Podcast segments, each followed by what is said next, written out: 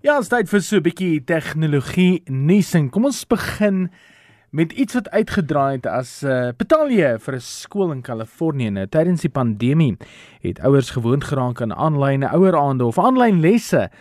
Maar dit het erg skeef geloop vir 'n skool in Kalifornië. Die oueraand het sommer sleg begin met die beheerliggaam wat neerhalende kommentaar oor die skool se ouers gemaak het. Ek kom ek verduidelik gou die situasie. Die beheerliggaam het aangeteken vir die vergadering. Gedink hulle is die enigstes op die platform.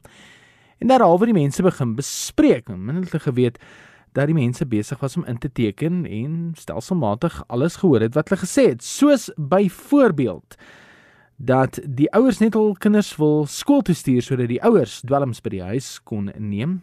En 'n ander een het bygevoeg: "Genade, hulle pik net op ons want hulle soek hulle baba oppassers terug." So het dit aangegaan totdat iemand opgelet het dat hulle nie die enigstes in die vergadering was nie, maar dat daar reeds baie ouers aangesluit het en hulle gesit en luister het. Die hele raad het na die affære bedank. Mense nogal so dink, nê.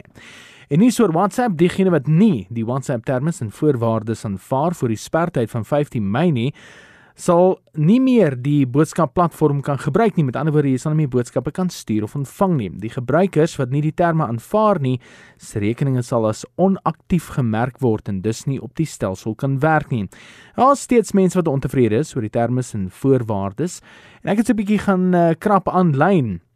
En daar was een persoon op Facebook wat opgemerk het: "Niemand lees die terme en voorwaardes as jy byvoorbeeld inteken op 'n webtuiste wat jy pas ontdek het nie." En jy registreer as 'n gebruiker.